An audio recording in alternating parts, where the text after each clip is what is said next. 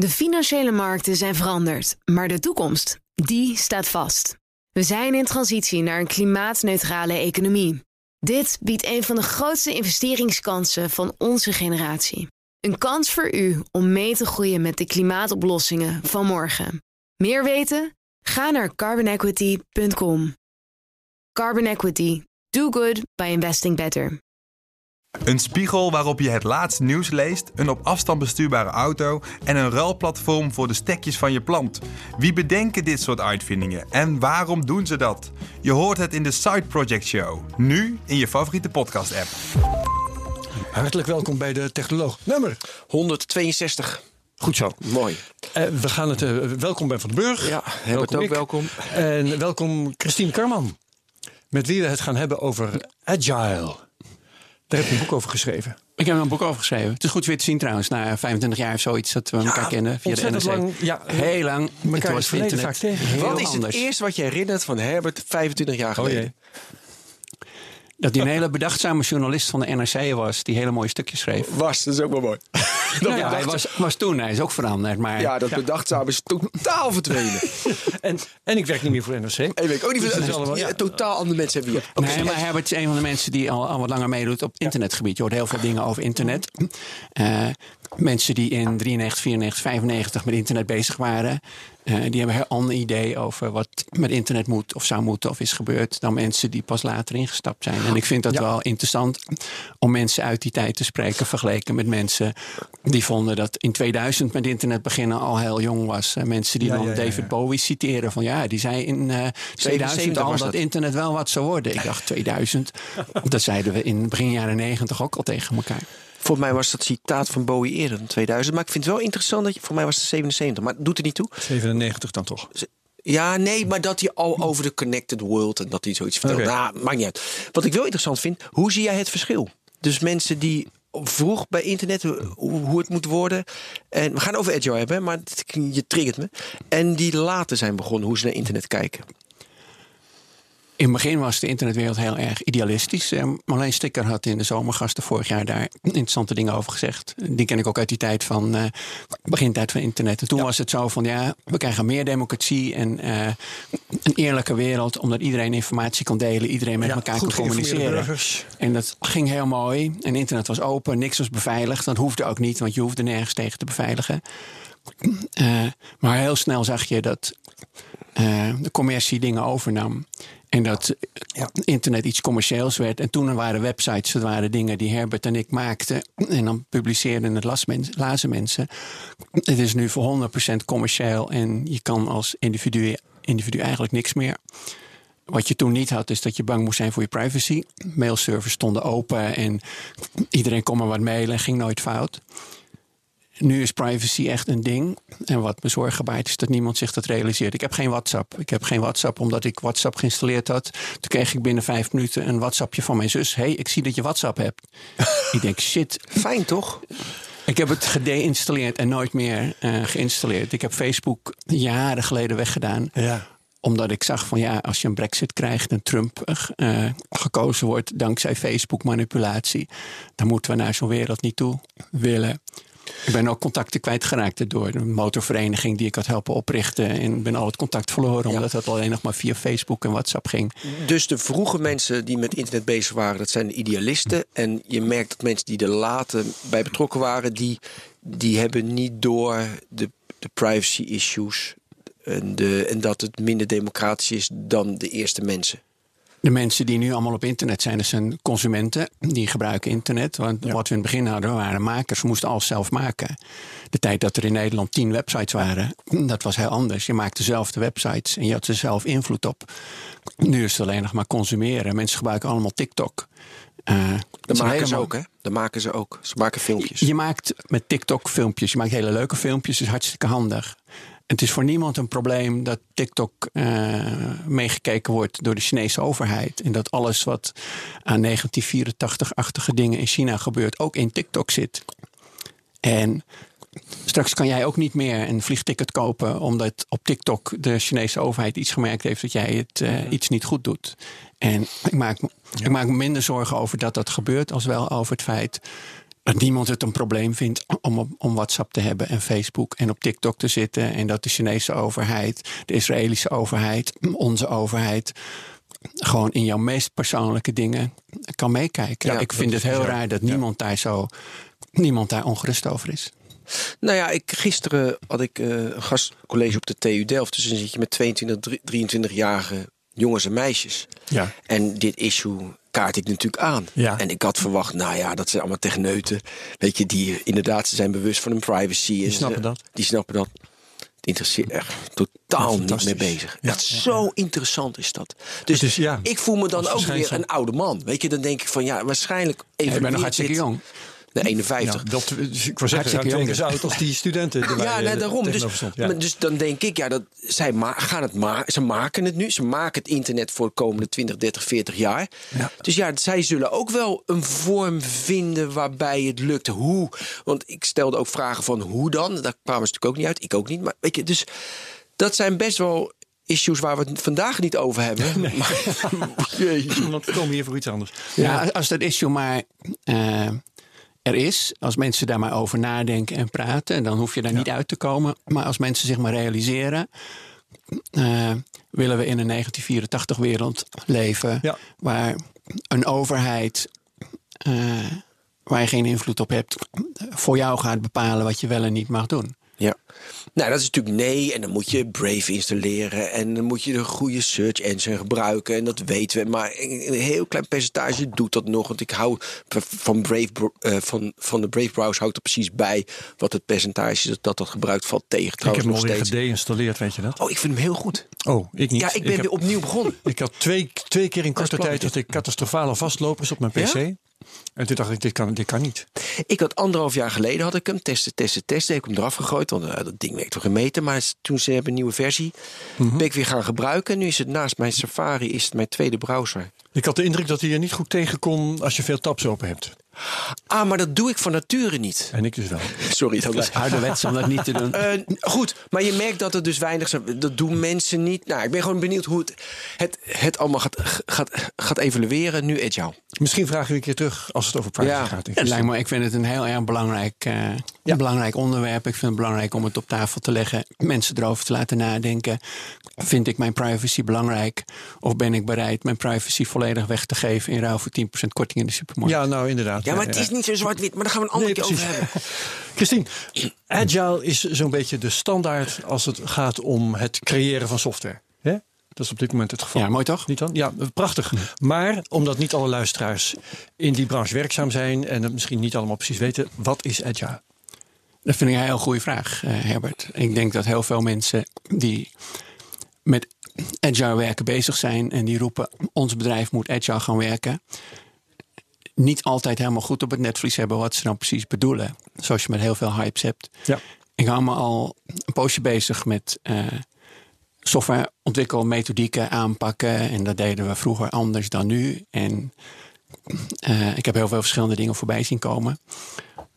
Dat komt omdat de wereld verandert, omdat de techniek verandert. Vroeger maakte je een systeem en daar was je dan vier jaar mee bezig met twintig man. Dan ging je eerst met gebruikers en, eh, en de management praten van wat moeten we maken. En dan was je vier jaar was je bezig en dan kwam je na vier jaar terug. Kijk, dit hebben we. En iedereen die het besteld had was al verdwenen. En iedereen zei van ja, wat moeten we daarmee? Maar in vier jaar veranderde de wereld niet. Dus je kon zeggen nou, we bedenken iets. We specificeren dat in heel veel detail. En dan hebben we dat vier jaar en dan kunnen we daar twintig jaar lang mee werken. Dat gebeurt Beetje ook. zoals je een wolkenkrabber bouwt. Ja, je bouwt een wolkenkrabber en moet je heel lang van tevoren plannen. Maar eh, de wereld verandert nu sneller dan toen. Toen was een bank die was tien jaar hetzelfde en de volgende tien jaar nog hetzelfde en het veranderde allemaal niet. Tegenwoordig veranderen dingen per jaar. Ik bedoel, eerst heb je geen WhatsApp, dan heb je wel WhatsApp. En dan moet iedereen op WhatsApp zitten en dan moet iedereen dat hebben. Eh, je hebt eerst eh, geen mobiele telefoons. Heb je een mobiele telefoon, die moet je altijd bij je hebben. En dan moet je een website hebben die er ook op past. En je kan niet zeggen, nou, we gaan nu een project starten dat onze website over tien jaar beter is dan nu. Want misschien zijn er over tien jaar geen websites meer. Ja. Dus wat je wil is een hele grote flexibiliteit en eh, bewegelijkheid in het ontwikkelen van informatiesystemen. En dat kan je op heel veel manieren doen. Eh, en een van de manieren die bijvoorbeeld Scrum. Ik, als ik Scrum zeg, dan bedoel ik eigenlijk alle agile methodieken en alle methodiek, methodieken die er zijn. Wat ze met Scrum doen is, je deelt een project op in stukjes van twee weken. In die twee weken ga je iets maken. En dan na twee weken moet je het opleveren. Dan heeft de klant vast iets om mee te werken. En dan ga je verder. Ik heb een poos geleden een lezing bijgewoond van uh, iemand van Softlab. Uh, Wolfgang Hesse heette die. En die maakte een vergelijking van softwareontwikkelmethodieken. Uh, en wat hij deed was het uitzetten in een grafiek van niveau van specificatie versus niveau van detail. Dus enerzijds hoe goed specificeer ik wat ik eigenlijk wil en wat een gebruiker eigenlijk wil. Wat willen we eigenlijk hebben? En in hoeveel detail kijk ik ernaar? En zijn stelling was: je mhm. moet eerst weten wat je wil. Dus je moet eerst de specificatie goed maken. En dan naar de detail gaan. Je kan ook eerst naar het detail gaan. Dus stel dat wij met z'n drieën een auto gaan bouwen. En we gaan aan de slag.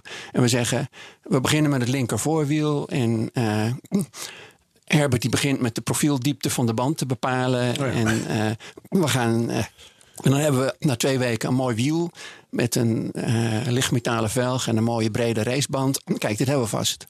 Maar als ze dan vragen, wat ga je maken? Ga je een bus maken of ga je een sportwagen maken? En zeggen ja, dat weten we nog niet. We kunnen nog alle kanten op. Als we dan een bus gaan maken, dan moet Herbert met zijn wiel weer terug. Want dan blijkt het wiel niet goed te zijn. En ik kom dat in de praktijk best wel vaak tegen. Dat mensen dan na twee weken iets opleveren. En dan na twee weken krijg je de, de volgende specificaties. En dan blijkt van ja, hmm, ik had er bij een klant, ging ik app maken en uh, er moest eerst een productpagina zijn. Ik maak een productpagina. Twee weken later moest, uh, uh, moesten verschillende productpagina's geswiped kunnen worden op de telefoon. Ik dacht van ja, als dat begin had geweten, had ik het helemaal anders aangepakt. Ah, dus ik heb alles weggegooid en ben overnieuw begonnen. In de derde sprint, dus weer twee weken later, er moet een toolbar komen aan de onderkant van het scherm. Ja, zo'n toolbar dat bepaalt een beetje hoe je applicatie werkt. Dus ja, ik heb alles weer weggegooid en ben weer overnieuw begonnen. Maar, want ja, maar je moet eerst een high-level design maken. Dat is je moet eerst weten wat je wil gaan doen. En wat iedereen doet, is achter een agile hype aanlopen. Niemand weet precies wat het is. Uh, en wat je ziet is dat er heel veel vergaderd wordt. Uh, dat de productiviteit omlaag gaat. En dat iedereen maar heel druk bezig is. Uh, en dat ik vind dat het heel erg inefficiënt is. Ik denk dat je in het begin van een project op een hoog niveau moet kijken van wat wil ik eigenlijk. Mm en dan pas moet gaan zeggen, nu wil ik iets opleveren. Je maar kan niet een gebouw... standaard dat je een high-level design maakt in de eerste sprints? Heel vaak begint een sprint met. Ik bedoel, de theorie van, van agile werk en Scrum is het ook niet altijd wat er in de praktijk gebeurt. Hè? Heel vaak gebeurt het met: je hebt een, een backlog en dan heb je user stories. En user stories worden dan verward met specificaties. En dan ga je gewoon beginnen. En als een user, user story heb ik ook geleerd uit jouw boek trouwens. Uh, dat, dat is uh, iets wat een gebruiker moet kunnen doen. Een user story is een eigenschap van het systeem die een gebruiker verwacht van het systeem. Dus een user story ja, is. Ik moet iets kunnen kopen. Uh, ja, user stories. Als boekhouder wil ik een factuur kunnen invoeren in het systeem. Zoiets. Als receptioniste wil ik dat er om het uur een kop koffie uit het systeem komt. Uh, als bestuurder van de auto wil ik linksaf kunnen sturen. Ja. Maar de user stories die vormen een soort checklist van wat je systeem al moet kunnen. Nou, ga je op vakantie, je maakt een checklist van waar moet ik aan denken. Die maak je drie maanden van tevoren, want je moet een paspoort van tevoren aanvragen. Zo'n checklist is iets waar je iedere dag even naar kijkt. Van hebben we alles gedaan wat we nu gedaan moeten hebben, hadden moeten hebben om met vakantie te gaan. Mhm. Maar wat je met agile methodieken vaak ziet, van zodra iets op papier staat, dan gaan mensen beginnen. Nou, we nemen punt 1 van de checklist, dat gaan we vast doen. Maar als punt 1 van de checklist is, we moeten voor zeven uh, vertrekken vanwege de file, dan kan je niet als eerste doen. Nou, maar mag ik eh, even samenvatten? Dus wat jij ziet bij agile werken, is het vaak die backlog die wordt gevuld. En uh, dan gaan mensen gewoon met dat wiel beginnen. Ze beginnen in detail, beginnen ze die backlog in te vullen. En dat is, is dat de grootste flaw die er op dit moment, hoe het wordt gebruikt, flaw, het Nederlands woord, maar goed. Nee, wat, wat, wat, ik, wat is echt het probleem en hoe zou het moeten? Het probleem is van methodieken dat het een methodiek is met uh, checklists en voorschriften. Wordt en dat mensen, gevolgd. en mensen dat dan zo gaan doen. Op het moment, en daarom is het heel paradoxaal dat ik een boek over heb geschreven. En dat vond ik ook heel moeilijk van de vorm van het boek. Straks gaan mensen Eigenlijk dat vind ik- serieus nemen en precies Eigenlijk vond ik dat je geen boek moet schrijven over agile werken, maar dat je het gewoon moet gaan doen. Maar ja, dan had ik hier ook niet gezeten en dan had, was er geen boek geweest. Dan. Dus Ja. ik heb geprobeerd, geprobeerd in mijn boek het zo op te schrijven dat het niet voorschriften zijn en zus, zus en zo moet het, maar om mensen een beetje mee te nemen in mijn gedachtenwereld. Wat ik, wat ik uit jouw boek heb overgehouden, vooral eigenlijk, dat is eh, dat als je je gezond verstand maar gebruikt, dat je dan vanzelf iets gaat doen wat wel wat weg heeft van agile. Klopt dat ongeveer? Ja, ik, de reden waarom ik op dit onderwerp was gekomen, dat ik uiteindelijk een boek ben geschreven, is dat ik jaren geleden eh, bedacht van al die, gebruik, al die bedrijven gebruiken Scrum en Agile en dergelijke. En waar komt het eigenlijk vandaan? Nou, ik ben nogal een eh, boekenfetischist, dus ik heb alle boeken gekocht die ik kon vinden. Ik ben gaan lezen en toen kwam ik erachter dat het boek waar de metafoor van Scrum van het rugby uitkomt, is een boek uit 1993 van twee Japanners, Ikojiro Nonaka en, Tak- en eh, Hirotaka Takeuchi.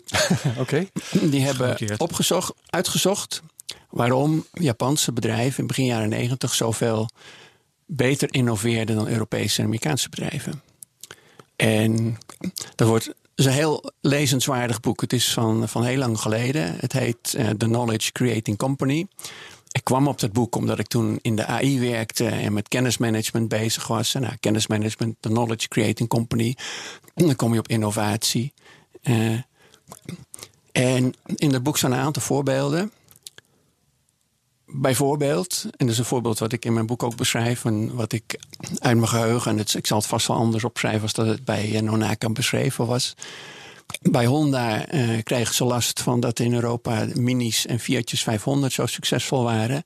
Ze wilden een concurrent maken.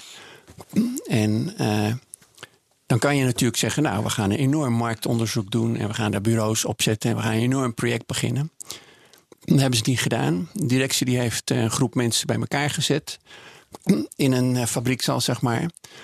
Autoontwerpers, bouwers, monteurs, verkopers, alles wat je kan verzinnen. En die hebben gezegd van nou, wij hebben last van die mini. Wij willen ook een mini die in Japanse steden succesvol kan zijn. We denken dat je dat in anderhalf jaar zou moeten kunnen doen. Eh, er is budget. Als je iets nodig hebt, je weet ons te vinden. En die groep is gewoon aan de slag gegaan. En na anderhalf jaar hadden ze de Honda City bedacht. En dat is voor Honda binnen Japan een heel groot succes geweest. Dus niemand die heeft ge- gezegd van we moeten top-down of bottom-up of we hebben een Nee. methode. Die mensen zijn aan de slag gegaan. En op een gegeven moment dachten ze van ja, we komen er niet helemaal uit. Toen zijn ze met z'n allen gewoon in het vliegtuig gestapt, zijn ze naar Europa gegaan en gekeken wat wij malle Europeanen nou met die minietjes precies doen.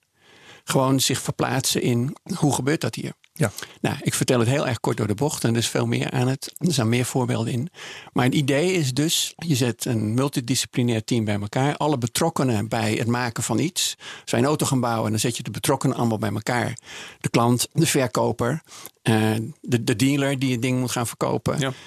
En je zegt van nou, bedenk maar iets. Ga samen aan tafel zitten. Ja. En dat geldt voor software ook. En dat gebeurt niet heel vaak. De beste softwareprojecten die ik gedaan heb, was van je zit bij elkaar en de klant zit erbij en de gebruiker zit erbij en iedereen zit erbij en je bent aan het werk. En ik heb iets gemaakt en ik zeg, kijk, dit heb ik nu. En dan ben jij een toekomstige gebruiker en die zegt, ah, dat is mooi. Maar dan zou ik toch iets meer zus en zo doen. En dan gaan we als het samen. Laat zo'n team zichzelf maar sturen, is eigenlijk wat je Ja, zegt. dat is natuurlijk wel moeilijk, want mensen moeten dat, eh, moeten dat kunnen en moeten begrijpen dat dat, dat, dat kan. Eh, Ja. Wij leren dat we dat niet moeten doen, dat we moeten doen wat de baas zegt. Ik heb ook veel geleerd van eh, Tom Peters. Tom Peters had een boek geschreven in Search of Excellence, ook heel lang geleden. En wat ik van Tom Peters heb overgenomen is: je moet mensen empoweren om dingen zelf te doen. Je neemt goede mensen niet aan om ze te vertellen wat ze moeten doen. Je neemt goede mensen aan zodat ze jou kunnen vertellen wat jij moet doen. Als ik jou aanneem om een mooie UI te maken voor, eh, voor een app, dan ga ik jou niet vertellen van welke kleur het moet zijn wat voor me. Dan zeg ik, nou Herbert, eh, veel plezier. En dan kom je en dan verbaas je mij en dan verras je mij en dan zeg je, wow, dat is mooi. Jij kan dat. Eh, kan ik je helpen? Ja. Ja. De, de kunst van een manager is vooral om, om niet in de weg te lopen. Hè? Dat eh, kwam ik ook Ik vind dat een heel goede samenvatting van het uh, geheel. De manager is het zand in de machine, zou je opschrijven. De manager is gewoon een overbodig iemand die vooral niet moet gaan managen. Want op het moment dat een dat er manager gaat potloden managen. Zijn, bij wijze van spreken. Wat zeg je? Die, hij moet zorgen dat er potloden zijn, of zij. Die, moet, die, en die moeten er dan zijn voor het snel zijn. Op het moment dat jij een potlood nodig hebt, dan moet de manager eraan komen. Oh ja, die had ik net besteld, die zijn er al. Ja. En die moet enablen, die moet mogelijk maken. Maar die moet niet voor de voeten lopen en die moet niet proberen zich ermee te bemoeien. Ja. En je moet mensen hebben die voor zichzelf kunnen zorgen. En die ook weten wat ik beslis dat gaat gebeuren als dat op mijn uh, vakgebied Ja. ligt. Ben. Ik heb twee. uh, ik wil eerst gewoon over Lexus vertellen. Dat is gewoon echt een mooi verhaal. Ook Japan natuurlijk. Dus Toyota die moest, een, die moest een groot... Die moest, in, in het premium segment zat Toyota altijd slecht. Het lijkt op dat Honda verhaal namelijk. En ze wisten niet hoe ze dat moesten doen. Toen hebben ze vijf mensen... Anderhalf jaar hebben ze uh, Live the Life of een miljonair. Dus die mochten de hele wereld rondreizen. Die gingen vijf sterren hotels, business class vliegen. Alleen maar S-klasses rijden, zeven series rijden. Want ze moesten voelen toen ze terugkwamen in Japan... hoe het is om dat als je een deur sluit... dat het niet klik is, zoals bij een Toyota. Maar het moet natuurlijk vloep, moet het zijn. En dat je in een auto zit die, weet je, als een, als een, als een waterbed... weet je, door de Ja. stad. Want ze waren, oh, dat hoort en dat stoot. Dus die hele methode van dat je erin zit, vond ik mooi. Uh, dit terzijde, dus in Japan doen ze dat dus vaker. Lexa vond ik een mooi voorbeeld. Maar mijn vraag is, zelfsturende teams enzovoort. Kijk, in de praktijk is het natuurlijk, dat is mijn grootste... Ja, waar ik iedere dag tegenaan loop. Er zijn gewoon vaste budgetten. Dus ja, je kan zeggen, het team moet lekker, je krijgt... Dus vaak zit tijd, wat je zei, die Honda-mensen kregen anderhalf jaar de tijd. Hey, er zit een restrictie, tijd. Twee is, er zijn budgetten. Beursgenoteerde bedrijven of niet gebeursgenoteerde bedrijven. Een mens heeft een budget. Ja. En je kan wel zeggen, we gaan lekker agile werken. Ge- De, er zijn restricties. Hoe ga je daarmee om? Er zijn altijd restricties, want een directiemanager die heeft een bepaald budget. Ja. En daar moet het voor. En er is een ander die zegt er is een bepaalde tijd. Uh, en er zijn drie variabelen die je in een project hebt, die je niet vrij van elkaar kan kiezen. Op het moment dat je zegt, ik bepaal, uh, de, je hebt het, het, budget, het geld, je hebt de tijd, je hebt de kwaliteit. Als je zegt, ik heb anderhalf jaar en het maximum budget is drie ton, dan heb je daarmee een plafond gezet aan de kwaliteit van wat je gaat maken. En dan moet je dus beslissingen nemen. Ja, we gaan een auto maken, maar we laten de vering er maar uit, want daar is gewoon geen tijd en budget voor. Dus dan krijg je lage kwaliteit. Je kan ook zeggen, nou, ik heb een budget, ik wil optimale kwaliteit. Maar misschien wordt de doorlooptijd dan heel erg lang. Dus je ja. moet die dingen managen. En uh, dat doen ze in agile werken door te zeggen, nou, uh, of dat zou moeten als je agile werkt. We gaan iets maken en we zien wel wanneer het klaar is. Dus je kan niet een tijd stellen van het moet over twee weken klaar. Uh, we gaan iets maken en ik weet van tevoren niet hoe complex die software gaat worden die ik ga maken. Ik weet van tevoren ja. niet hoe, uh, hoe ingewikkeld het wordt om vier elektrische motoren in de wielen van auto's te maken en dan te zorgen dat ze het goed doen. Jij ja, zegt van ja, dat is makkelijk, dan kunnen we zo maken, trekken we een paar weken voor uit. Maar dan blijkt dat daar gewoon uh, natuurkundige problemen in zitten die het gewoon best wel heel erg moeilijk maken. En dan moet ik tegen jou zeggen, ja, ik heb het niet. Je moet gewoon, die auto is er als ik klaar ben om hem te maken. Ja. En dan heb je een hele mooie auto. Maar ja, it's done when it's done. Ja. Ik dacht eigenlijk dat jij zou gaan zeggen iets als uh, mijn team van, van uh, volwassen en bekwame UI-designers en constructeurs, noem maar op, softwaremakers, um, kan zelf wel omgaan met die restricties. Met dat, met dat budget en met die tijdbeperking. Ja, dat is eigenlijk wat je beoogt met agile werken. Dat je zegt van nou, we hebben die restricties. We moeten concessies doen op het gebied van kwaliteit. Maar meestal heb je als development team alleen maar de kwaliteit waar je naar kan kijken. Want het budget is voor jou bepaald en de doorlooptijd is voor je bepaald. Nou, de budget kan ik begrijpen dat dat bepaald is. Maar die doorlooptijd, die wil ik dan zelf in de hand hebben. Om te zeggen, nou ja, we gaan dit op een zodanige manier doen dat het wat langer duurt en dat het misschien wat goedkoper wordt. Je moet het in het team hebben. En een van de problemen die ik met name met Scrum heb, is dat er uh, tijdwindows zijn en dat een sprint. Uh, ja, ik vind het een heel verkeerd woord ook. Het project wordt opgedeeld in stukjes. En er zijn geen stukjes van drie maanden, maar van twee weken. En dan moet je ja. in twee weken moet je iets zinnigs maken. En er moet ook iets opgeleverd worden. Dus op maandag begin je. Dan heb je een vergadering, de, de, de startmeeting. Stand-up. Nee, nee, nee, dat is nog heel anders. Je loopt vooruit op de zaak, eh, Ben. En op dinsdag heb je een refinement meeting. Dan gaan we alle dingen die we gaan maken, gaan we samen bespreken. Nou, Ik ga jou vertellen hoe jij het moet doen en jij gaat mij vertellen hoe ik het moet doen. En op woensdag hebben we dan een, eh, een meeting waarin we terugkijken op de vorige sprint. Van hoe is dat gegaan? En er komen dan iedere keer dingen uit die de vorige keer ook al uitgekomen waren. Van nou, we vonden dat dit niet goed ging, dat dat niet goed ging. En iedere dag heb je eh, een stand-up meeting. Iedere ochtend moet je van 9 tot kwart over negen in een kringetje bij elkaar staan. En dan een paar rituele formules uitspreken. Eh, want dan gaat het project beter. En ik vind het heel interessant. Eh, ik heb een aantal keren in een goed, heel goed team gewerkt. En was een start-up bijvoorbeeld. En dan kom je 's morgens binnen. Er waren echt briljante programmeurs die er zaten. Mensen met wie ik nog contact heb. Mensen die echt, het ging echt heel goed. En kom je 's morgens binnen. Iemand zet de koffiemachine aan. Ik was begonnen het bedrijf met een goede espresso-machine aan te schaffen. Want dan krijg je ook Ja. goede mensen. En dan ga je goed werken. Doe de jas uit, zet je laptop neer, pak koffie. En dan was het altijd zo dat tegen half tien... dan stonden we allemaal ineens in dat veel te kleine keukentje... of in het halletje met een espresso. En dan zegt Martijs tegen Martijn: Goh, ik heb iets moois gemaakt. Daar moet je er zo even naar kijken. En eh, Igor zegt: van ja, ik ga vandaag dat en dat doen. Maar ik hik tegen een paar dingen aan. Kan iemand even met me meekijken? En dan was je zo'n beetje bezig. En eh, over eh, de volleybalwedstrijd van gisteren, weet ik wat. En dan na een kwartiertje was het weer klaar. En dan ga je aan het werk. Maar dat gebeurde ook de hele dag. We zaten in een kleine ruimte bij elkaar. Dus als iemand een probleem zag, een gebruikersprobleem van hoe gaan mensen hiermee om, een programmeerprobleem, eh, hoe maak je deze encryptie, weet ik wat. Dan werd het gewoon door het kantoor geroepen. En dan riep iemand terug en dan zag je weer twee mensen of drie mensen bij een scherm staan. En dan werd er weer, de hele dag werd er een beetje heen en weer geroepen. En dan de volgende keer, eh volgende moment zaten mensen weer urenlang eh, zwijgend te werken.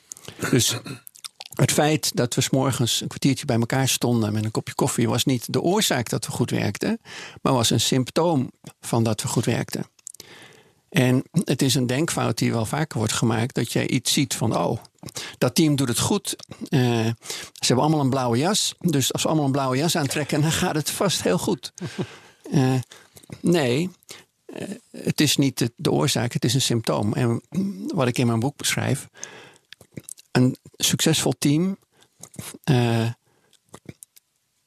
weet van elkaar wat ze doen en wat ze willen. En hoeven heel weinig te communiceren expliciet.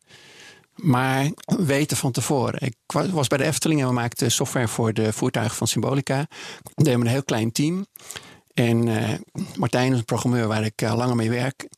En dan zei ik tegen Martijn: Oh god, we moeten dat en dat ook nog maken. Ja, zegt hij, ja, heb ik net gemaakt. eh, daar en daar. Ik zal het voor je, voor je uploaden.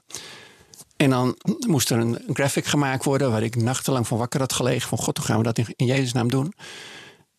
En Monica was de ontwerps- ontwerpster. En eh, die smoesde even met Martijn. En dan zaten ze een uurtje te werken. Kijk, het werkt. Oh ja, moeten En niks, geen communicatie, maar gewoon aanvoelen van... oh ja, als iemand een goede ontwerper is, dan kunnen ze dit maken. Als iemand Ja. een goede programmeur is, kun je dat maken. En zo werkt dat. Maar wat ik me afvraag als je zo'n verhaal vertelt, is eigenlijk eh, dat dat wel eens gebeurt. Wil dat ook zeggen dat je dat kunt laten gebeuren? Of is dat meer een toeval? Ja, we hadden een, we hadden een goed functionerend team toen. Hoe, hoe, hoe, hoe kregen we dat eigenlijk voor elkaar? Waarom gebeurt het daar of, of op dat moment niet? Je moet dat over jezelf afroepen. Eh, ik heb meerdere keren mee- meegemaakt. Eh, ik noem net Martijn en Monica. Martijn kende ik al heel, heel lang en Monica was nieuw in het project. Eh, hoe zorg ik dat ik iemand erbij heb die, die goed in zoiets past? Er zijn twee dingen. Je moet natuurlijk goede mensen hebben. Eh, je selecteert mensen op, eh, op wat ze kunnen en wat ze eerder gedaan hebben. Maar je moet mensen ook empoweren. Tom Pieters. eh, je moet mensen blijheid in hun werk geven en mensen het gevoel geven. Ik heb verstand van iets. Ik heb verstand van grafisch ontwerpen. Dus er gaat niemand mij vertellen hoe ik dat grafisch moet ontwerpen. Er is een boek van Tom Peters, dat heet de Tom Peters Seminars. En hij heeft een enorm oeuvre geschreven van, eh, van dikke boeken, van duizenden en duizend pagina's. Maar in dat boek wordt het samengevat. Er een grote foto in van een werkster. eh, Zo'n eh, zo'n dikke zwarte vrouw met een schort in de jaren 50, weet ik veel. En een bezem en een big smile. En eronder staat: waarom is deze eh, schoonmaakster zo blij? Ze werkt in een groot hotel. Ze heeft een creditcard van het hotel. En als een gast uh, schade heeft door de stomerij of doordat hij iets morst, kan zij ter plekke de schade vergoeden om te zorgen dat het goed gaat. Zij had de mogelijkheid om als ze iets fout doet, dat te herstellen als er iets gebeurt. En ze mocht zelf beslissen over Ja. het budget van die creditcard. Daar worden mensen blij van. Ja, maar ook heel veel mensen kunnen daar niet mee omgaan. Kan ook misgaan, ja. Ja, dan weet je, dat is toch. Ja, hangt er toch vanaf. Maar iets anders. Nou, mooi, Oké. Iets daarom heb over je een team ook. Hè? Van daarom heb je ook niet mensen alleen. Je moet Ja. een team hebben Ja, van ja, ja. mensen die dat kunnen. Mensen die erbij zitten. Maar je beschrijft nu zeg maar agile. En ik heb het idee wat je allemaal vertelt. Denk ik, ja, dat gebeurt toch allemaal al. Ik bedoel, empoweren van mensen. En dat ze bij elkaar. En als ze denken van, joh, we slaan het vandaag over. En ik roep iets naar iemand anders. Ja, misschien heb ik een beperkt beeld van de wereld. Ongetwijfeld. Maar ik heb wel het idee dat op die manier al vrij empowerment. En met elkaar direct praten. En geen managers erop. Er gebeurt toch? Of is mijn beeld te beperkt? Wat ik zie in de praktijk zijn heel verschillende ervaringen. Maar in de meeste projecten zie ik dat er veel te veel vergaderd wordt. Dat er veel te veel ges- gestreefd wordt naar een consensus vooraf. In plaats van te zeggen, verras mij maar wat je, wat je maakt. Eh, en dat die empowerment er ook eigenlijk niet zo, niet zo erg is. Er zijn heel veel beperkingen die het management oplegt. Heel veel randvoorwaarden die je aan moet, waaraan je moet voldaan. En je hebt ook helemaal gelijk. We zijn het ook niet gewend. De meeste teams zijn gewend. Zitten mensen die gewend zijn om ja, Orders te werken in een eh, omgeving waar een ander vertelt wat er moet. Ja, dan moet toch even aan de baas vragen of dat wel zo kan. Dan moet het dat iemand zegt. is ook voor sommige mensen heel comfortabel dat ze altijd ook prettig. ehm, eh, de schuld, eh, ja, de verantwoordelijkheid aan een ander kunnen geven. Ze dus willen het zelfs. Dus vaak. Nou ja, sommige mensen willen Ja. dat, anderen weer niet. Maar kunnen ze zich verschuilen? dat persoonlijkheidstype heb je natuurlijk wel. Die Toch? beperkingen, ik wil even over die beperkingen. Oh, sorry. Ja, die, die, die, heb, die types heb je. Maar mensen worden ook zoals ze zijn, doordat ze worden zoals ze zijn. Ja, Van, wisselwerking. mensen lang genoeg in een project zitten. Mensen gemakzuchtig zijn. Ja, het is wel makkelijk om negen uur te komen en dan te doen wat ik moet doen. Ik eh, zoek de punten op in het boek. Van nou, vandaag moeten we dit doen. Ja. Je hebt natuurlijk als organisatie of als team ook een taak om mensen uit hun comfortzone te halen. Dan zeg ik ook, een van, zeg ik ook weer zo'n management speak-achtig iets waar ik erg tegen ben. Maar je moet mensen ook laten zien dat het anders kan. We leren op school dat je het spelen moet, eh, dat is voor kinderen en niet voor volwassenen. Je moet creativiteit leer je af en je leert te werken zoals van je verwacht wordt. Eh, je moet ook durven om in je team eh, een sfeer te creëren dat mensen out of the box gaan denken, Ja. andere dingen gaan doen, dingen doen waar ze misschien niet in hun comfortzone zitten. En dat is niet een taak van een manager of van een projectleider, een scrum master of een scrum mistress of wat dan ook. Dat is een taak van het team. En een van de interessante dingen vind ik van als je een goed team hebt, dan zie je de dynamiek dat iedereen projectleider is. Iedereen heeft voor bepaalde aspecten van het werk de leiding. En dat vereist van dat mensen dat echt oppakken. Dat vereist ook dat anderen zich daarbij neerleggen. Ik ben goed in sommige dingen en niet goed in andere dingen. Als iets waar ik goed in ben, dan eh, drijf ik mijn zin door. Maar dingen waar een ander goed in is, eh, ja, dan leg ik mij heel graag neer bij. ja, als Ja. Ben iets goed weet en ergens heel goed in is, dan eh, zeg ik, nou Ben, hoe gaan we dat doen? Oké, nou gaan we doen en hoef ik het ook niet te weten. En ja, als dat voor veel mensen moeilijk is, moeten ze dat leren. En misschien dat sommige mensen ook niet, niet zo kunnen werken. Ja, er zijn ook mensen die programmeur zijn en er niet goed kunnen programmeren. Dus ja, Ja. die vinden ook op een gegeven moment een plek. Het is heel jammer als het niet een cultuur is in een bedrijf. Het is ook een beetje een kantelpunt. Als jij een team hebt van zes mensen en er zijn er twee of drie die een beetje dynamiek hebben en die een beetje, dan komt het wel op gang. Maar als je dat niet hebt, ik werkte bij een overheidsorganisatie, dat viel onder UWV. Daar was men erg hiërarchisch ingesteld. En er waren heel veel procedures en heel veel vergaderingen. En Ik had drie dagen, dagen lang vergaderd toen ik kwam voordat ik eh, een computer kreeg om iets echt te gaan doen. En toen moest er weer vergaderd worden. En iedere keer als er dan een specificatie werd aangepast, dan moest er een dag over worden vergaderd. Want niemand voelde zich safe met jongens, we gaan het zo doen. Uiteindelijk ben ik er ook weggegaan. Ik zei, jongens, dat gaat zo niet. We gaan het zus en zo doen. En ja, dat was mijn ik- einde in het project. Eh, mag ik even terugkomen eh, op, de, op de beperkingen? Dus budget, dus kwaliteit, ik noem het meer scope, maar prima. En tijd. Hoe ga je daar nu in de praktijk goed mee om? Want wat ik merk is dat die, weet je, er wordt gewoon gezegd door bedrijven: joh, dan wil ik minimaal deze kwaliteit, deze scope wil ik hebben. En dit is je maximale budget. Als je bijvoorbeeld in een productbedrijf werkt, dan moet je aankondigingen doen van dan en dan gaan we deze feature releasen. Je hebt een enorme eh, lijst met features en eigenschappen van het systeem die je wil gaan maken.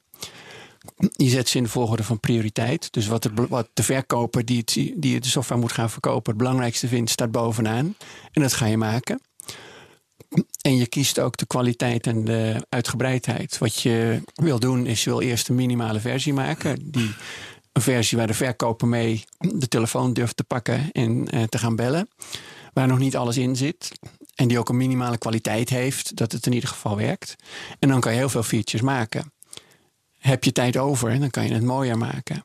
Uh, kwaliteit moet je in de gaten houden. Uh, bijvoorbeeld Scrum heeft kwaliteit niet als, als issue ergens vermeld staan of zoiets. Dat is meestal iets wat impliciet is en wat maar. Maar dat wordt niet expliciet benoemd. Je, kan er heel eind in gaan om te zeggen van ik ga de kwaliteit aanpassen aan de tijd die we hebben. We hebben een budget. We maken die features, maar we kunnen niet zeggen nou vrijdag moet dat en dat af. Van ja, misschien is vrijdag het niet af. Ja. En je moet ook niet bang zijn om tegen die verkoper te zeggen nou sorry, we hadden beloofd dat op 1 juli dit klaar zou zijn. Maar uh, we kunnen dat niet maken voor een kwaliteit, met een kwaliteit die wij bij ons vinden passen. Dus bel je klanten maar op dat het een maand later wordt. Ja, wat ik altijd zeg, je wil uiteindelijk 100 of 1000 of heel, uh, of, of heel veel. Dan krijg je op dat tijdstip voor dat budget minimaal bijvoorbeeld drie. Als je geluk hebt, als het mee zit, heb je vier, maar drie. Dan heb je, dat, dat moet makkelijk lukken. En liefst vijf, kwaliteit vijf. En op dat tijdstip heb je minimaal 20. Je hoopt 25, 15. Nee, we zijn zo goed. Minimaal 20. Is dat de manier waarop je ermee omgaat, of is dit echt dom? Niks is dom. Uh, het is heel moeilijk om dingen van tevoren te plannen. Om te zeggen van dan en dan moet het af zijn. Ze eisen het, hè? Ze eisen het. Ja, maar dat is dan een. Dan, je kan het eisen. Je kan zeggen, nou dan en dan moet af zijn met die kwaliteit. Nou, kom maar met het budget aan. Als het budget. Ik bedoel, jij gaat naar de winkel. Ja. En je gaat een auto kopen. En je zegt, een auto die 280 kan. En die wil ik morgen hebben. En mag niet meer kosten dan 20.000 euro. Ja, kan dan, niet. Dan gaan ze zeggen, die hebben we niet. Het is heel leuk om 280 te rijden, maar dat kan je niet doen voor, voor 20.000 euro. En dat dan morgen ook, ook hebben. Ja. Iedereen begrijpt dat. Je kan naar de bakker gaan. Uh, dat was zo'n hashtag op Twitter, uh, bij de bakker. Ja. Dat was heel mooi. Ja, ja, uh, je kan naar de bakker gaan en zeggen: Ik wil een brood hebben voor uh, een euro. En het moet van zeven granen zijn. En het moet zus en zo gebakken zijn. En het moet uh, spikkeltjes hebben. En er moet ook pompoenpinten in zitten. Ik dat mag niet meer dan een euro kosten. Ik weet ja. hoe die hashtag is ontstaan. Dat was namelijk naar aanleiding van de manier waarop freelance journalisten worden bejegend tegen wie wordt gezegd: ja, kom even bijvoorbeeld mijn evenement voorzitten. Uh, we hebben geen budget, maar het is goed voor je netwerk. En uh, bij de bakker is ontstaan uh, als reactie daarop van net zo'n verhaal moet je eens bij de bakker bij komen. komen. Oh ja, ik zie hem. Geef me maar een brood mee, want het is, ik betaal niet, maar het is goed voor je netwerk. Dat soort kletspraatjes. Goed, ja, en ik, ik, betaal, ik betaal het volgende maand van als freelancer. Dan, ja. ja. ja, we betaalt termijn van drie maanden. Ja, oké, okay, dan kan ik bij de bakker ook. Ik vond het prachtig van wat er toen allemaal voorbij kwam. Er kwam een, een enorme explosie van. Precies, dat staat blijkbaar heel, heel hoog bij heel veel freelancers om hoe dat werkt. Ja, maar goed, maar waar waren we? Nou ja, daar waren we. Dus oké, okay. uh, de tweede. Je die, kan niet eisen stellen aan al die, alle ja. drie die dingen. Dat nee. Daarom heet het ook de duivelsdriehoek. Ja. Je kan niet zeggen kwaliteit, scope en budget is bepaald. Uh, en dat bepaal ik buitenaf. Als je twee van die dingen vastlegt, dan accepteer je dat de derde niet uh, vastgelegd is. Als je de scope... En dat is meestal scope. Dat flexibel is. Ja, maar dat is natuurlijk niet eerlijk tegenover de klanten en de gebruiker van het systeem. Ja, we hebben ja. weinig geld voor over. We willen een hoge kwaliteit hebben, dus gaan we je niet geven. We geven je een auto, maar er zitten met drie wielen aan en er zit geen stuur in. Want, nee, ja, want dat dan is de lanceer je nog niet. Nee, maar met drie wielen lanceer je nog niet. Nee, dus kan je niet lanceren als je het niet gemaakt hebt. Nee, maar je. Maar, nee, klopt. Maar nee, want je zegt, je kan pas lanceren als je minimaal vier wielen hebt. Want anders kan je ja. niet lanceren. Ja, als je een product maakt, en ik praat over software, maar dat geldt denk ik voor andere dingen ook. Maar ik heb het meeste ervaring met het maken van software. Als je zegt van ik ga alle features na elkaar maken, dan heb je niet meer die beslissing van ja, hoe volledig ga ik de scope maken of hoe goed ga ik de kwaliteit maken. Ik begin met iets, ik begin met het linker voorwiel. Nou, gaan we heel mooi maken. Maar dan blijkt bij het rechterachterwiel of bij de kofferbak dat dan het budget op is. Dus Ja. het linker voorwiel is eh licht metaal met een mooie brede band. En rechtsachter wordt een thuiskomertje. Dus Ja. daarom moet je beginnen. En dan grijp ik terug naar eh, Wolfgang Hesse. Eh, die zei dat in 1986. Van, je moet eerst een goed globaal idee hebben van je eh, product, van je systeem. Je moet dat eerst specificeren op een hoog niveau. Voordat je naar details gaat kijken. En pas Ja. als je weet wat je wil hebben, ga je naar details kijken. En dan kan je zeggen, nou, ik heb eh 100 features die er moeten zijn. En we gaan bouwen, maar we gaan niet met feature 1 beginnen. We gaan eerst het hele systeem bouwen met de minimale features. Of met een deel van de features. We maken eerst een auto waar wel vier wielen aan zitten en een dak op zit. Zodat je, er, je kan er ook mee sturen, maar dan heb je al alles gehad.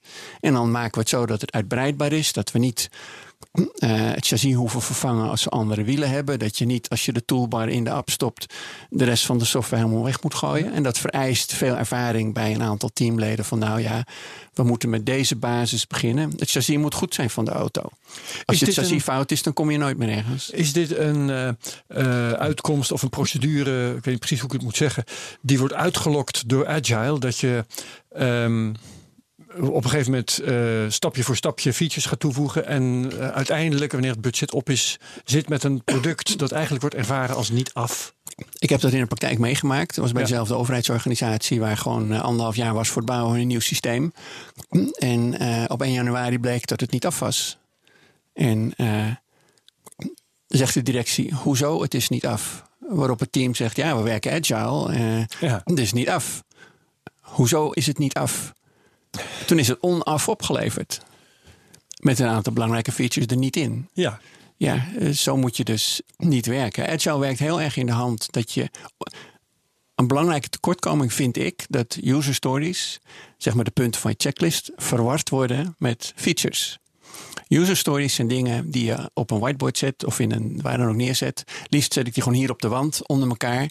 En iedere dag als wij met een systeem aan het bouwen zijn, dan kijken we naar al die dingen. Wat wij doen, voldoet dat nog aan onze checklist? Worden al die user Ja. stories ingevuld? Ja. Ander aspect is, maar dat komt in Scrum nog niet naar boven, eh, persona's. Eh, bij Albert Heijn was dat. eh, toen we de app aan het maken waren, hadden ze persona's. waren twintig verschillende profielen van mensen. Anna, bijstandsmoeder, twee kinderen. Dus alles wat je deed met te maken, moest je denken van... hé, hey, hoe gaat dit werken voor Anna? Een andere was Frederik, verkoopmanager. verdient heel veel geld, maar hij heeft nooit tijd. Ja, hoe ga je de, de navigatie in de winkel doen... of de features in de app maken voor Frederik? Want misschien wel heel anders.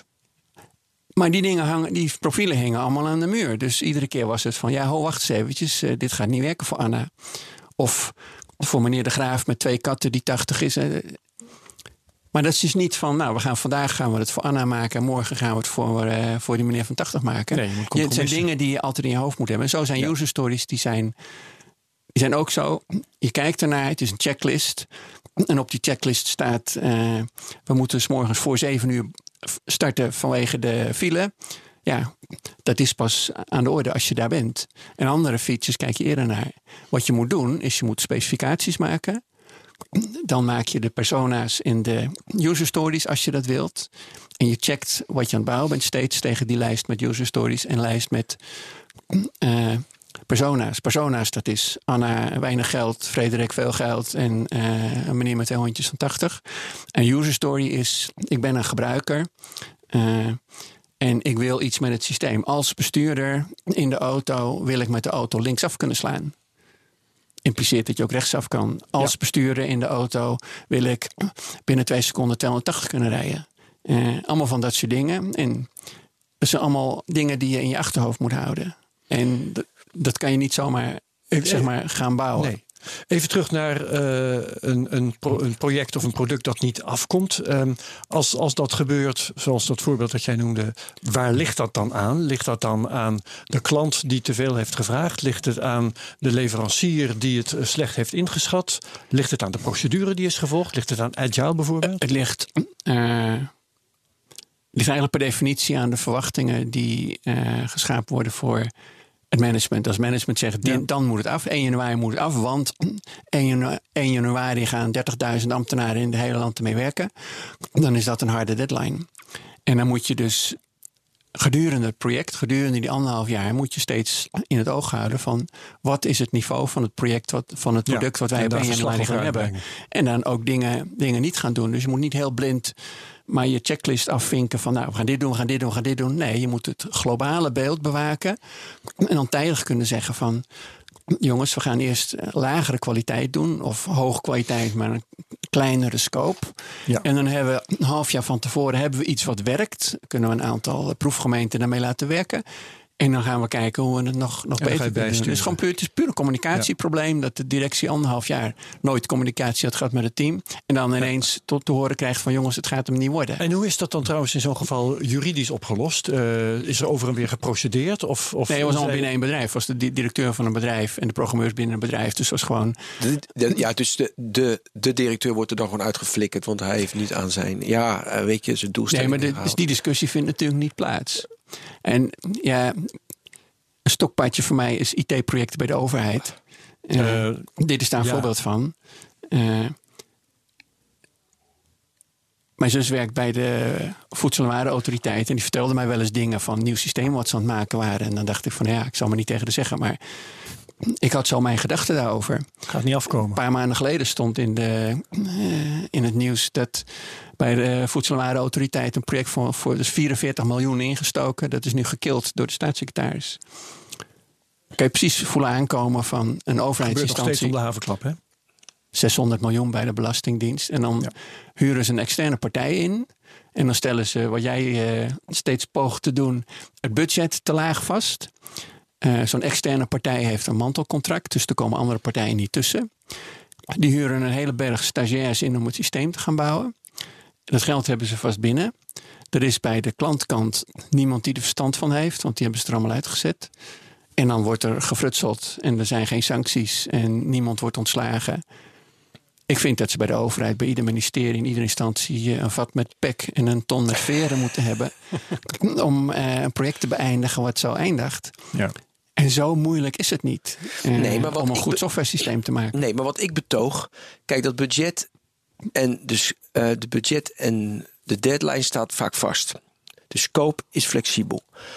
Maar je moet dus mensen keihard afrekenen op de kwaliteit. Of, of je snel genoeg werkt, dus die scope. Of je voldoende de inzet voor het geld dat je uiteindelijk hebt.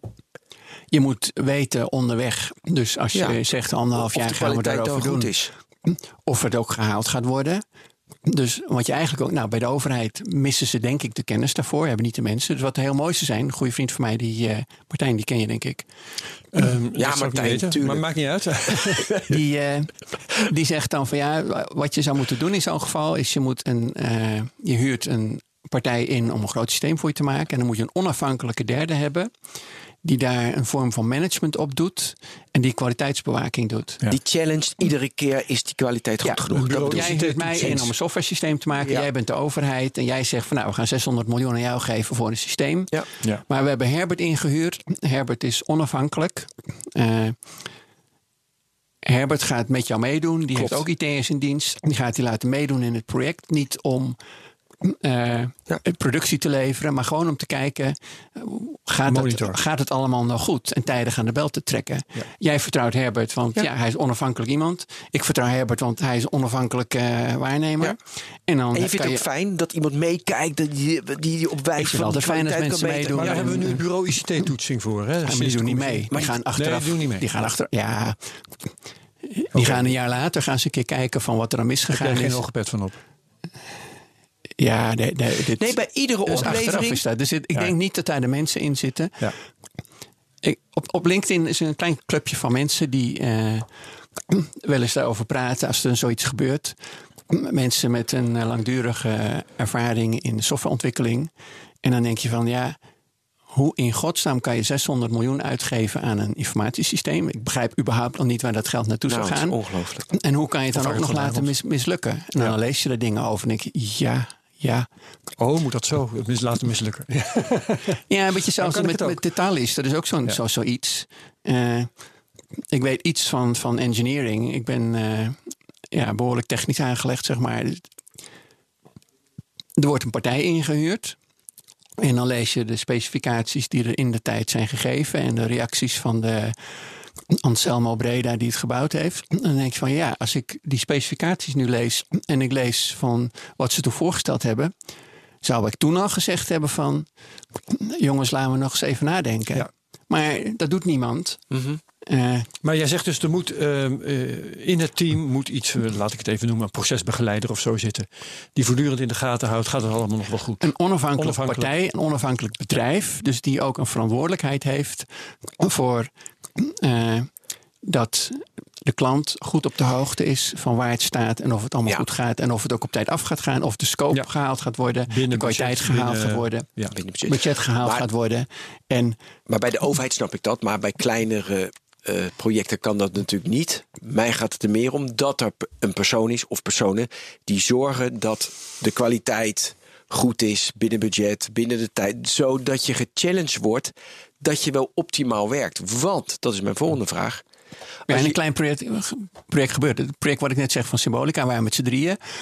En eh, ze wilden niet een grote partij voor inhuren. Ze zeggen, Christina, we hebben een goede ervaring met jou. Kan jij niet als aannemer optreden? Drie mensen. Dan heb je een klein team en dan gaat het vanzelf goed. Ik bedoel, er was een hard budget. Er waren niet harde, was niet een harde scope. Het was eh, wat mij betreft harde kwaliteit. En ik hou het in de gaten, maar mijn mensen ook. En op een gegeven moment zat ons, eh, ons lab helemaal vol met mensen... met allemaal die er ook allemaal bij, eh, bij betrokken wilden raken. Maar je, je kan dat gewoon zelf in een klein team, in een kleine organisatie zelf in de gaten houden. Ja, maar ben je Dan loopt het niet uit de hand. Maar ben je optimaal gechallenged en had je helemaal van: hé, hey, hier moet het gebeuren. Wat ik merk in de praktijk is als je jarenlang in een agile team zit en iedere twee weken die sprints, dat het lastiger is om voel helemaal nu moet het ja, gebeuren. maar hoor je nou wat je zegt? Je zegt jarenlang in een agile team. Ja, nou, iedere mij twee is weken een sprint, contradictie. eh, 26. Volgens mij is het een contradictie. Als je jarenlang in hetzelfde team zit, ben je niet meer agile. Nee, nee, nee. Ja, oké, een jaar. Maar het komt voor. Het komt voor dat mensen gewoon dus, eh, zeg maar, in een team zitten. Iedere twee weken leveren ze eh, dus, eh, dus opnieuw op. Dat doen ze 26 keer achter elkaar. Dat is een team, een heel goed team, dat werkt enzovoort. Maar het is lastiger dan om vol gechallenged te zijn dan bijvoorbeeld... ik heb een deadline 1 oktober en eh, we moeten nu in het weekend door... want dat moeten we opleveren en we gaan er vol voor. Nee, je werkt in principe die backlog af. Die backlog moet gedaan worden. Daar zit best wel een... Ja, dat is lastiger om vol ervoor te gaan. Hoe los je dat op? Dan denk ik ook dat je niet een project moet maken waar mensen jarenlang in dezelfde context mee bezig zijn. Eh, een systeem bestaat uit onderdelen en dan is het beter om te zeggen, nou, we, delen dat op. We maken kleinere teams en we zorgen dat die teams een horizon hebben van drie maanden of zes maanden. En dat ze daarop afgerekend worden. Op het moment dat je zegt van ik ben jarenlang met hetzelfde bezig, ja, snap haalt de lol er een beetje af. Ja, maar ik bedoel, je maakt de ING-app, even als voorbeeld. En eh, daar zitten zeg maar tien teams op, eh, op die app. En ze hebben allemaal een bepaald onderdeel van die app. En eh, die mensen, die zo'n team zit gewoon een jaar lang op dat ene onderdeel, de self-service van de ING-app. Nou, en dan is het best wel lastig. Dus die jongen die daarop zit en dat programmeert, die heeft gewoon zijn backlog. En die komt op maandagochtend en die doet gewoon zijn stand-up en die gaat gewoon programmeren. En, dan, en dat is toch anders als iemand tegen me zegt: op 1 oktober moet jij die chatbot feilloos in de ING-app. Die moet als een tierenlied draaien. Dan krijg je een ander soort druk. En ik zoek naar de ideale mix tussen die druk hebben van: oh, ik ga niets opleveren wat de wereld zo versteld zal laten staan. Of van: ik werk mijn back. Ik overdrijf natuurlijk expres. Ik werk die backlog weg. Hoe ga je daarmee om? Ik denk dat het goed is om een project in stukken te verdelen. Dat je niet een project van vijf jaar hebt, maar een project van drie maanden. Ik denk dat het niet goed is om het in hele korte stukjes te verdelen, zoals twee weken. En dat je de maandag bezig bent met het opstarten van je nieuwe sprint. En de vrijdag bezig bent met het afronden. En er is geen tijd voor testen. En donderdag kan je niet meer met iets nieuws beginnen. Dus het effectief aantal dagen is nog maar zes van die, van die tien werkdagen. Het is ook niet een goed idee om te zeggen: ik heb dan een deadline, dan moeten we iets opleveren. En dan gaan we live. Ja, misschien wil ik niet live, maar wil ik dat een dag later. Wat waar agile methodieken en, en mensen die agile propageren de mond vol van hebben, is continuous delivery. Dat is ook weer zo- zo'n buzzword. Er is- ook software beschikbaar die dat, eh, die dat opleveren. Dat je zegt van ik commit nu iets. Ik maak nu een stukje software en dan lever ik op. En dan treedt een mechanisme in werking dat het ook bij de gebruiker komt. Eh, dat betekent niet dat ik dat vrijdags om drie uur doe, want het Scrumboek schrijft dat voor. Maar dan zeg ik gewoon op een bepaald moment: hey, kijk, ik heb dit nu af. Het is getest. Eh, het hele team is mee akkoord. Ik druk nu op de Continuous Delivery knop. En over een uur kunnen de klanten van ING deze feature gaan gebruiken. Dat is voor mij een, een, een aha-moment van: ik druk op de knop en de klanten hebben dat over een uur. En die krijgen een pop-up van: hey, je, je kan nu ook dit en dit doen in de, in de app. En dat werkt veel motiverender. En dan heb je ook niet uh, de tijd verloren is van ik ben klaar en dan moeten we met iets nieuws beginnen. Je hebt ook niet van het moet nu af, dus ik ga het snel nog even maken. Je hebt ook niet van we hebben het niet gehaald, dus het moet uitgesteld worden. Nee. En dat zie ik niet in de praktijk in uh, organisaties ik heb nu net een jaar gewerkt bij een organisatie, commerciële organisatie, waar heel strikt sprints van twee weken waren. Na twee weken moest er een hele berg aan verschillende systemen, moest een nieuw feature inkomen. Er was altijd hectisch van ja, er moet nu een beeld gemaakt worden. Nou, er ging er van alles mis in die beeld. En iedereen was veel meer bezig om te zorgen dat op vrijdag die beeld de deur uitgaat. Om te zorgen dat uh, de gebruiker uh, zinnige features heeft. Ja, daar, daar was nog geen tijd meer voor. En dan consequentie was dat het dan ook nog allemaal veel langer duurde. Ja. Als je vertrouwen hebt dat je team van programmeurs en ontwerpers en uh, financiële mensen, weet ik wie er allemaal in zitten, weten wat ze doen. En dan kan je gewoon zeggen, nou zeg maar wanneer het af is en dan gaan we het dan publiceren. En dan heb je voor een programmeur of een, een designer, die heeft ieder moment dat er iets af is en liefst eh, iedere zoveel weken iets van: hé, hey, nu heb ik dit gemaakt, kijk, nu kan ik dit. En dan, heb je een, een, een, blij moment. Je komt weer terug op het team. Uh, je zegt dus eigenlijk herhaaldelijk: uh, volg nou niet de boekjes, stel een goed team samen, uh, dan komt het vanzelf goed. nou, niet, niet helemaal natuurlijk. Niet helemaal. Vanzelf, vanzelf is altijd een heel moeilijk woord. Maar de kwestie wordt dan wel, de grote vraag wordt dan wel: hoe stel je zo'n team samen? Hè? Want we hebben ook al in dit gesprek besproken: er zijn soms mensen die kunnen het niet aan, hè? die gaan met die creditcard aan de haal en andere mensen zijn toch een beetje lui noem maar op. Dus hoe stel je een team samen dat zo zelfwerkzaam is als, als jij dat wel eens gezien hebt? Ik denk dat dat meer zit in het team zelf en in de mensen van het team zelf dan in het management. Uh, ik heb een netwerk van software developers. Die zeggen van nou, als ik een project heb, ga ik die en die inhuren. Dat heb je ook binnen een bedrijf natuurlijk. In mijn allereerste baan uh, mocht ik een nieuw project starten. Een heel bijzonder nieuw project. En toen ging ik naar de hoofd IT. Ik zeg van ik wil mensen hebben, ik wil die hebben en die hebben en die hebben. Want we hadden contact mee gehad, koffie mee gedronken, waren uh, goede mensen, goede jonge mensen. Nou, dan wordt het onderhandeld. Nou, nee, je kan niet die drie, je kan die twee krijgen als je die ook bijneemt. Even nadenken. Oké, okay, kunnen we iets van maken. En uh, er waren niet, niet de, de, de, high flyers in de organisatie, zeg maar, maar wel mensen van ik dacht van daar kan ik mee werken. En die gaan ook niet lopen zeveren van wat moet ik nu doen. En die ene man die was wat moeilijker, die wilde geen enkel team hebben. Uh, maar die bloeide in die omgeving helemaal op. Die ging iets doen en uh, die ging zelf uh, naar de benedenverdieping waar de, de operators zaten. En ging daar dingen regelen en kwam dan weer naar boven. Oh, ik heb dat en dat geregeld. Oké, okay, mooi dat je het gedaan hebt. Is het je te raden de goede je... mensen bij elkaar ja. zoeken vanuit je netwerk van de mensen die jij kent. En, en je, je beschrijft nu ook al, er zit, soms dan heb je geluk dat iemand in een omgeving ploft die je hebt geschapen waarin het dan goed gaat. Soms gaat het niet goed. Uh, is het dan aan te raden om gedurende het proces in te grijpen en mensen te vervangen? Dat heb ik ooit een keer geleerd van uh, een, uh, twee psychologen die een projectmanagement cursus gaven. Ik heb aardig wat cursussen gevolgd, heel weinig goede cursussen, maar dit was een project, soort cursus projectmanagement voor gevorderden. En dan ging het over stress en dan ging het over teamrole management en dan ging hoe je hoe manage je mensen in een project.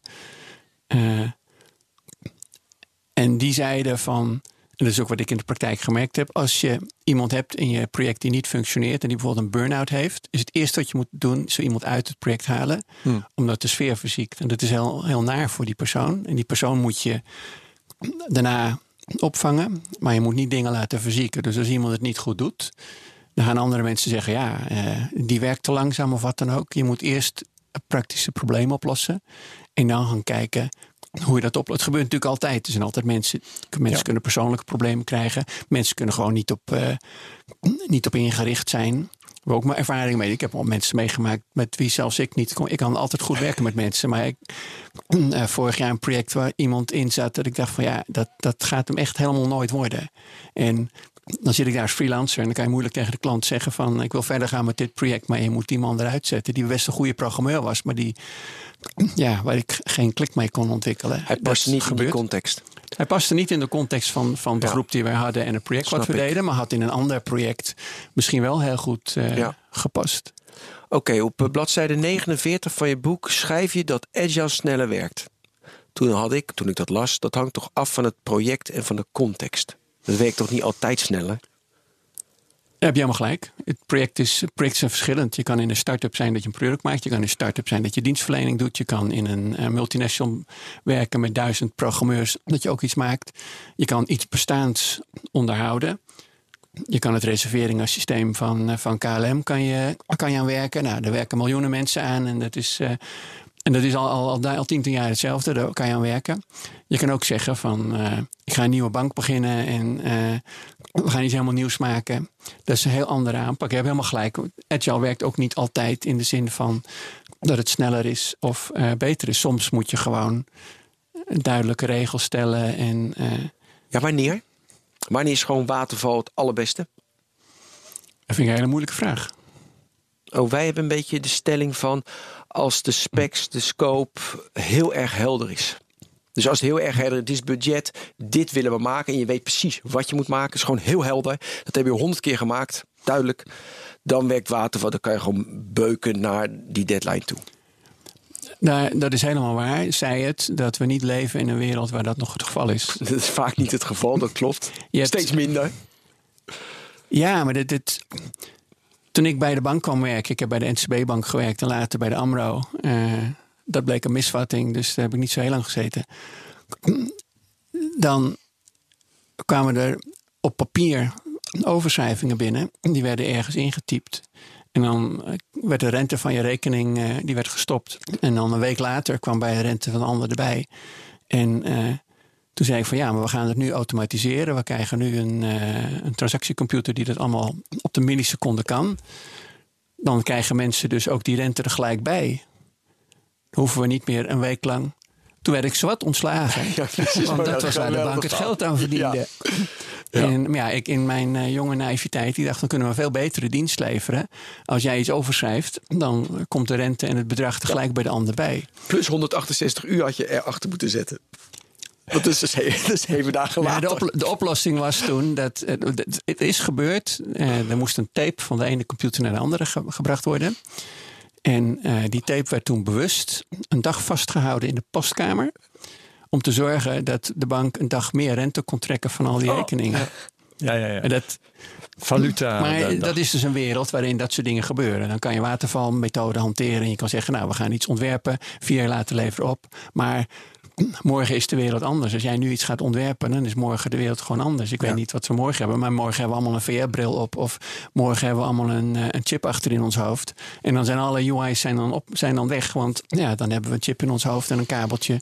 En dan leveren, leven we in de matrix. Ja. Uh, dat kan je niet allemaal voorzien. Wat ik wel weet, uh, en dat vind ik soms wel eens beangstigend. Technologische revoluties gaan steeds sneller. Uh, een keer een lezing over gegeven in de begintijd van de mensheid uh, waren we jagers-verzamelaars. En toen is er een revolutie gekomen, een technologische revolutie, dat we landbouw gingen doen. Dat duurde iets van 10.000 jaar dat iedereen dat had uitgevonden. De volgende revolutie was dat we uh, een scheiding van ambachten hadden. Van in plaats van dat jij het, uh, het graan verbouwt en de koeien en je schoenen maakt en de klompen snijdt en de dingen. Daar spreken we af dat jij de klompen snijdt en jij het graan verbouwt en naar dikke huisbouw.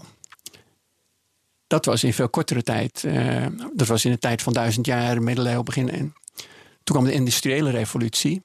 Uh, toen besloten we dat we niet alles met hand, dat we de weefgetouwen niet meer met handkracht gingen doen, maar met een stoommachine. En dat we niet meer met paard en wagen naar Den Haag gingen, maar met een stoomtrein. 100 jaar. Dat was 100 jaar. Toen werd de tv uitgevonden en de telefoon en dingen tv ging in tien jaar de wereld over. In 1950 uh, waren er weinig tv's. 1960 had iedereen tv. Het was tien jaar dat een belangrijke technologische revolutie... die, die ons als mens veranderd heeft, gebeurde. Nou, dan kom je in 1993 aan. Uh, januari 94 wist niemand wat internet was. Drie jaar. Twee jaar, eind Max, 95, ja. had ook Microsoft het concept van internet uh, omarmd. en toen werd het wat. Uh, dus het gaat iedere keer bijna factor 10 af van technologische revoluties. Dat kan je extrapoleren. Dus de volgende technologische revolutie, en welke dat is, uh, daar kun je een aparte uitzending over maken. Die zal dus niet in twee jaar zijn, maar die zal wellicht in drie maanden zijn. Ja. Dus dat je hebt van. Aan het begin van het jaar weet niemand wat het is. En halverwege het jaar heeft iedereen het. Een chip in je hoofd. Nu zeggen we nog van uh, Getver. Maar over drie maanden lopen we allemaal met een chip in ons hoofd. Dan zijn we via wifi in ons hoofd permanent online. Ja, of dat hebben we allemaal een, een, brilletje op met VR en uh, hoeven al deze dingen hier niet meer ja. te staan. Maar dat gaat heel snel. Dus je kan wel zeggen, we gaan in een watervalmethode een systeem maken. Maar als dan nee, halverwege zo'n revolutie plaatsvindt, dan. Maar ik heb toevallig de CES, eh, want er zitten begin januari mensen. CES ja. van 2015 er even bijgepakt. En uh, dat is vijf jaar geleden. Nou, uh, ja. Niks, ja, Herbert, uh, virtual reality, zelfrijdende auto's, weet je, alles wat we nu over praten, ja. toen ook. En nu zijn we waarschijnlijk iets verder. We zouden toch exponentieel groeien. Snap je? Dus valt soms ook wel tegen. Ja. Ja, er zijn ook dingen die halen het gewoon niet. Die halen het niet. Maar ook de, de thema's. Weet je, de infrastructuur staat nu best wel. En ik snap van nu gaan we bouwen op de infrastructuur die we hebben. En dan komen er snel komen er nieuwe elementen. Maar hoe belangrijk in de evolutie van de mens is TikTok nu helemaal? Weet je wel, dat, ja, maar dat is natuurlijk geen grote revolutie als je kijkt naar. Nee, precies. Nee. Nee. internet is, uh, is een dat grote is revolutie. Dat is fundamenteel. Dat is fundamenteel. En in 93, 94 begrepen mensen dat nog niet. En had je discussies. Nou, jij weet dat ook. Je zat er ja. middenin. Internet gaat het helemaal worden. Zelfs Eckhard Winsen die zei tegen mij in 1994: Ja, internet, dat is iets wat wel voorbij gaat. ik zeg, Eckhart, pardon. Uh, zullen, we, zullen we daar een fles champagne over opzetten? Uh, en dat geldt ook. Als je in 94 aan iemand vroeg van... Uh, over twee jaar heb jij een mobiele telefoon. Dan zeiden mensen, nou nee, Getver, dat gaan we niet doen. Ja. Maar een paar jaar later had iedereen een mobiele telefoon en niemand wilde meer buiten. Maar dat is wel een enorme ja. wijs verandering in je leven. Enorme verandering. Dat je altijd bereikbaar vindt. Maar goed, ja, maar ik wil okay, dit ik onwijs boeiend okay. namelijk. De, we gaan, jongens, we lopen vandaag iets uit. Nee, maar kijk, de fundament internet staat nu. Ja? Dus dat is een nieuw fundament. Ik zie namelijk niet de komende 100, nou, 50 jaar, het is gevaarlijk dat ik zeg, een nieuw fundament ontstaan. Het is allemaal digitaal, tuurlijk ook quantum computing, nog sneller rekenen. En natuurlijk AI is allemaal weer, dat is hetzelfde fundament. Dus waar we de komende 10, 20, 30 jaar mee bezig zijn, is op het fundament dat er nee, nu is, er zijn dingen... steeds meer bouwen. En dat verandert heel veel. Maar die, dat, ik zie geen andere fundament. Dus dat is hetzelfde. Je noemt AI. AI wordt al gehyped sinds de jaren 50. Precies. In, in, de jaren 50 werd op MIT een programma gemaakt. Ja, dat heette nou de General Problem Solver. Dat bleek enigszins ambitieus, zoals AI als term ook ambitieus was. Ik werk al sinds uh, halfwege jaren 80 in de AI.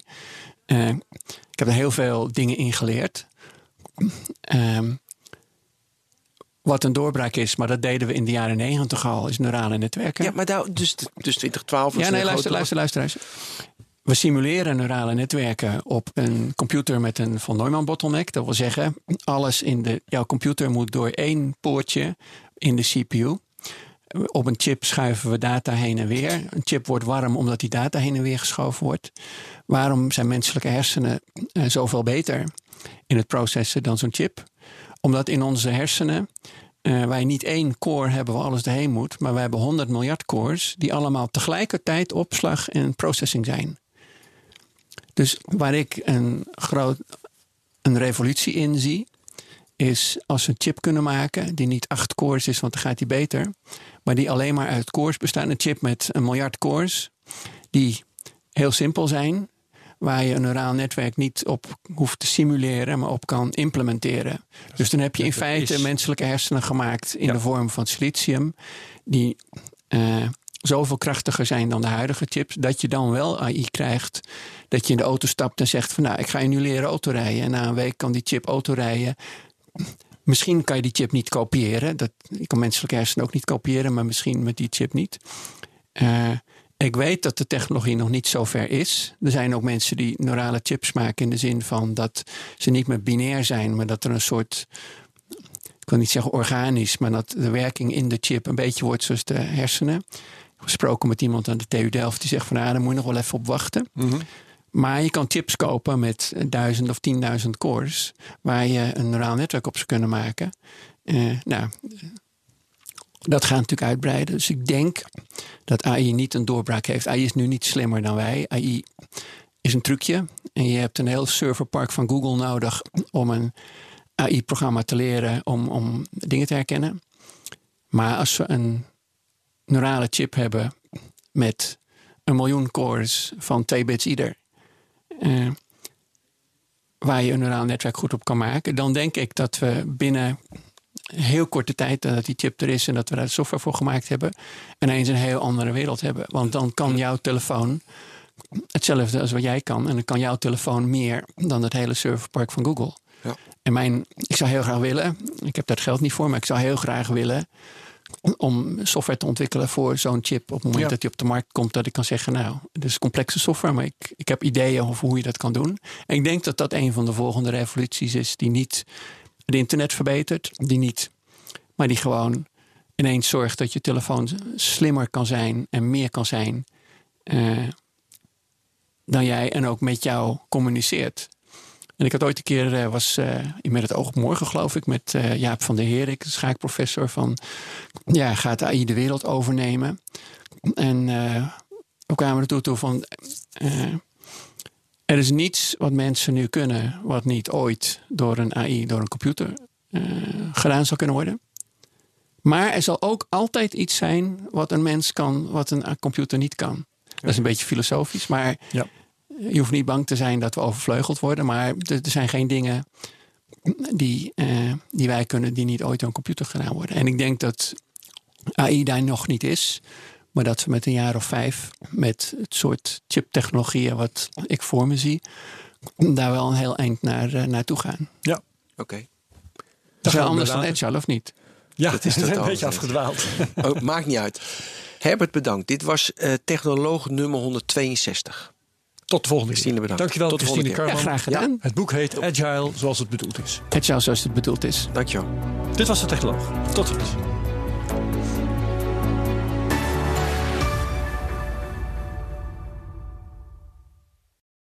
De financiële markten zijn veranderd, maar de toekomst, die staat vast. We zijn in transitie naar een klimaatneutrale economie. Dit biedt een van de grootste investeringskansen van onze generatie. Een kans voor u om mee te groeien met de klimaatoplossingen van morgen. Meer weten? Ga naar carbonequity.com. Carbon Equity. Do good by investing better.